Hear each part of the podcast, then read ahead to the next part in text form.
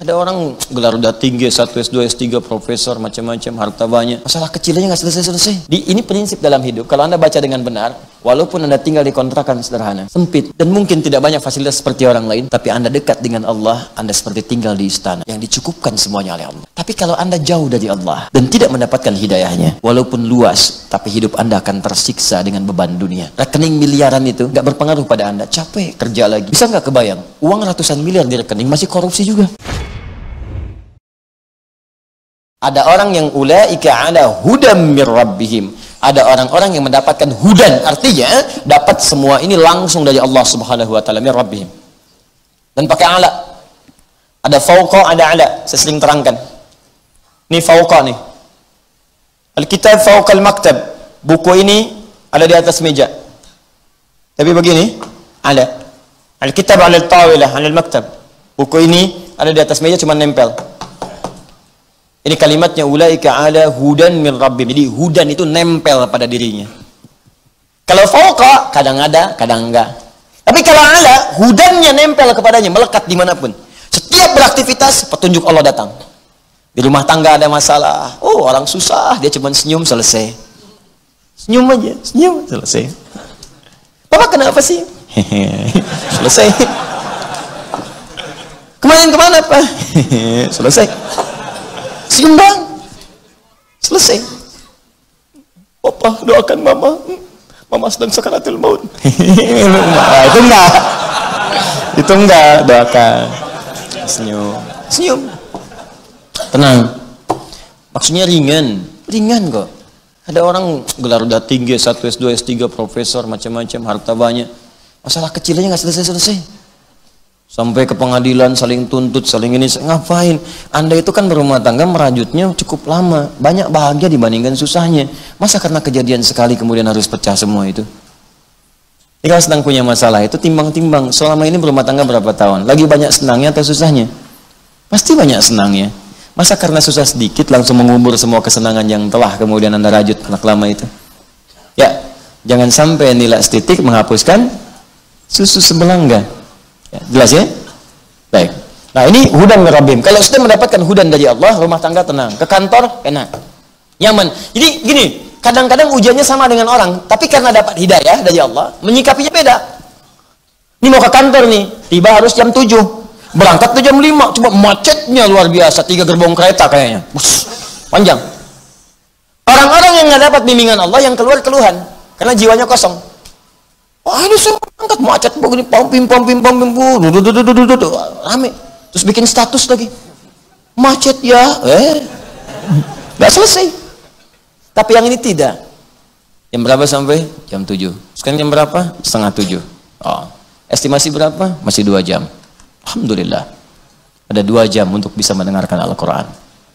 Rizki sudah diatur. Toh kita buru-buru pun tetap macet juga. Nyampe sana pun tetap juga macet. Nikmati perjalanan. Kalau di sana telepon, kasih tahu. Pak, ini sebentar lagi 30 menit lagi. Alhamdulillah. Bapak di mana? Masih di Bekasi. Kok masih di Bekasi? Macet. Kenapa nggak bisa cepat-cepat? Bisa. Bagaimana caranya? Ya hadapi kemacetan. ya, tenang aja. Ya, kalau di sini ada masalah perusahaan, terangkan ke sejujurnya tadi macet mau apa? Pindah kemudian divisi, nggak apa-apa pindah. Alhamdulillah. Toh tidak akan mengurangi rezeki. Terangkan apa adanya, nggak usah berbohong. Sebentar lagi sampai on the way, padahal baru keluar rumah. Bilang on the way. Tuh wajah-wajah kelihatan tuh. on the way, baru keluar rumah. Ya, buat tenangin doang. Modus tuh. Apa adanya sampaikan aja. Sampaikan apa adanya Bismillah sampaikan. Itu enak. Dan orang lain mengeluh dia macet dan biasanya kalau sudah begitu Allah akan timpakan kejadian yang lain yang membuat kita itu tepat mendapatkan apa yang telah kita rencanakan. Saya sering begitu ta'lim tuh. Tiba-tiba, oh ini nggak mungkin, nggak mungkin. Oh yang paling dasar tuh dulu saya masih inget tuh. Ya, jadi mau khutbah Jumat di Kuningan, sebentar lagi tinggal 10 menit lagi. Teman-teman nyampe, tuh pas di Kuningan eh, mobil kita yang kita kendarai itu ngambil ke bahu, ya. Kemudian di jauh masih jauh tuh ada stop polisi melihat tuh ya terus dia masuk lagi ke tengah saya diam aja sampingnya ah, terus polisi yang ngelihat langsung menunaikan tugas benar nih polisi ya trit minggir ya kan ah, itu biasanya kan perasaan cinta terbagi dua. Bertemu dengan kekasih yang kedua bertemu dengan polisi. Dan dikduk gitu. sopir. Ya. Apa apa itu tanda cinta gitu kan. Nah begitu udah dekat berhenti tanya. Nah ini yang jadi masalah tuh. Teman kita belum ditanya apa-apa udah ngeluarkan SIM. Padahal pertanyaannya mau ke mana B katanya. Saya kan duduk di sampingnya saya yang pakai jas kan pakai peci. Nanya ke samping karena lebih sepuh dari saya mau ke mana B dikeluarkan kartu SIM ngeliatnya ke saya lagi begini dan saya bilang mau baju mat pak saya khotib oh ya silakan katanya mana disuruh jalan lewat bahu anda bayangkan eh, jadi cepat nyampe ke sana begitu nyampe pas mau ke atas mimbar pas khutbah nyampe saya bilang sama kawan tadi, Pak, kalau ditanya, jawab sesuai pertanyaan. mau ke mana? Jawab, mau khutbah. Ini mau ditanya ke mana? Keluarin SIM. Enggak tahu. Ini yang sering celaka. Ya, selamat pagi, 100 ribu keluar. Ya, aja selamat pagi. Ini penyakit nih. Kadang-kadang banyak baik jadi buruk karena dipicu oleh itu. Selamat pagi, pagi pak. Ya, Alhamdulillah. SIM ada? Ada pak. STNK ada? Ada pak. Tahu melanggar? Tidak tahu pak. Anda baru melanggar lampu merah. Lihat ini? Oh, lihat pak. Kenapa dia melanggar? Saya nggak tahu ada bapak.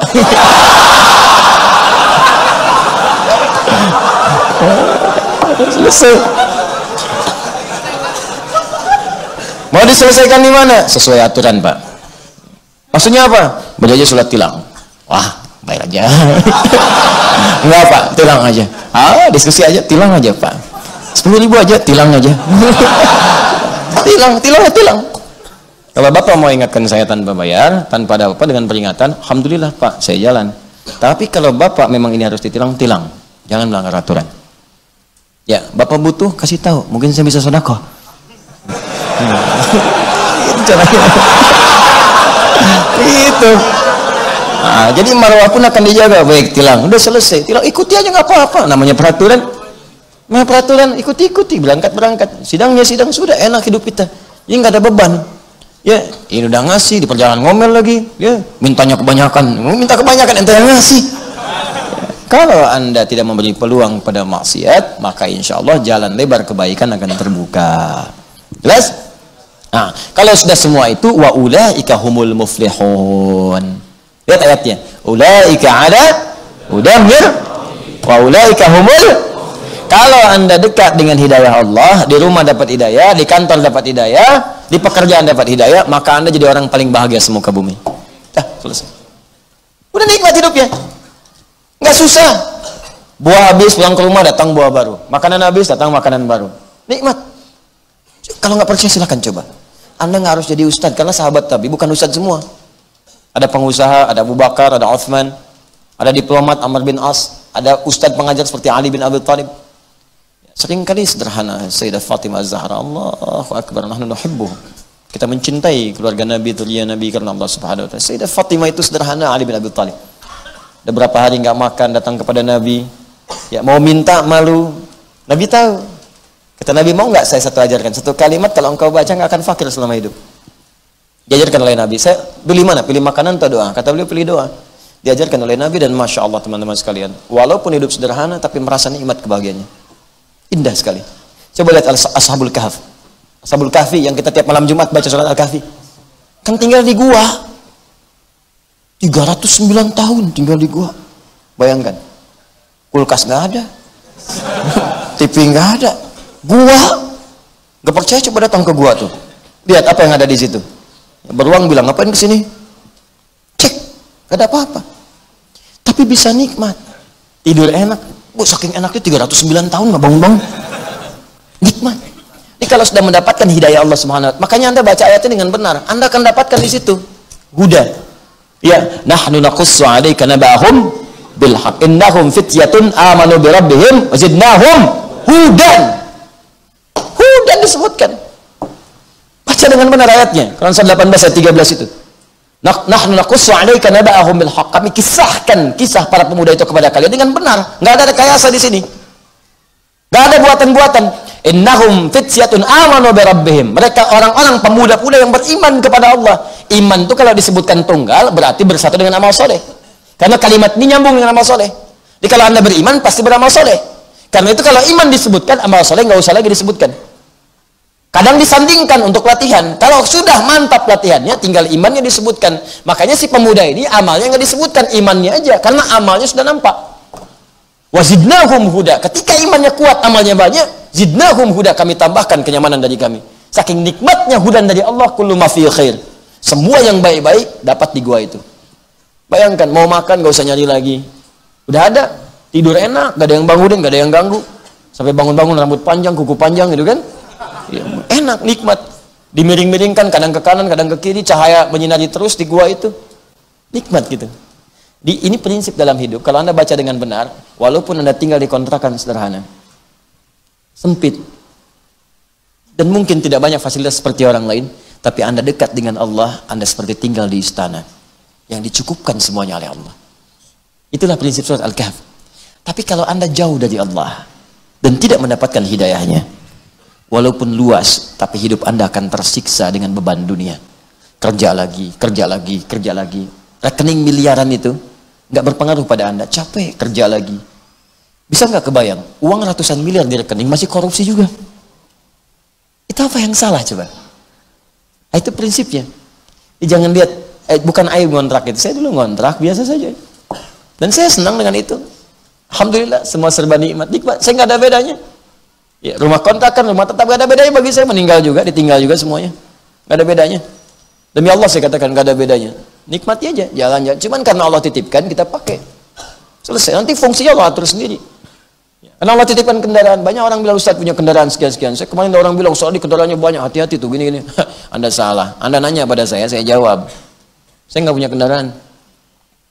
Kendaraan yang saya beli, saya jadikan kemudian untuk kantor wakaf. Saya cuma numpang pakai. Numpang pakai. Karena saya tahu saya akan meninggal. Numpang pakai aja.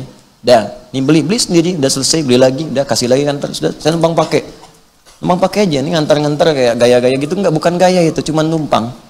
Numpang cuma satu istri saya itu untuk keluarga supaya nggak bercampur itu aja satu yang lain tidak itu pun bukan punya saya wafat anda wafat wafat anda kalau nggak punya bekal udah selesai anda makanya saya katakan nih alat-alat ini nggak ada yang punya nih tapi bukan berarti Anda berhak ngambil semaunya, tidak. Ini wakaf ke umat Islam dititipkan pada kami mengelola. Kalau Anda pengen datang, silahkan. Kita sama-sama kelola dengan baik. Ya, gitu caranya. Tapi kalau wafat, jangan bawa beban. Itu paling enak. Paling enak hidupnya. Ya, jelas ya? Nah, insya Allah semua akan Allah berikan kebaikan sepanjang kita dekat dengan Allah Subhanahu wa Ta'ala.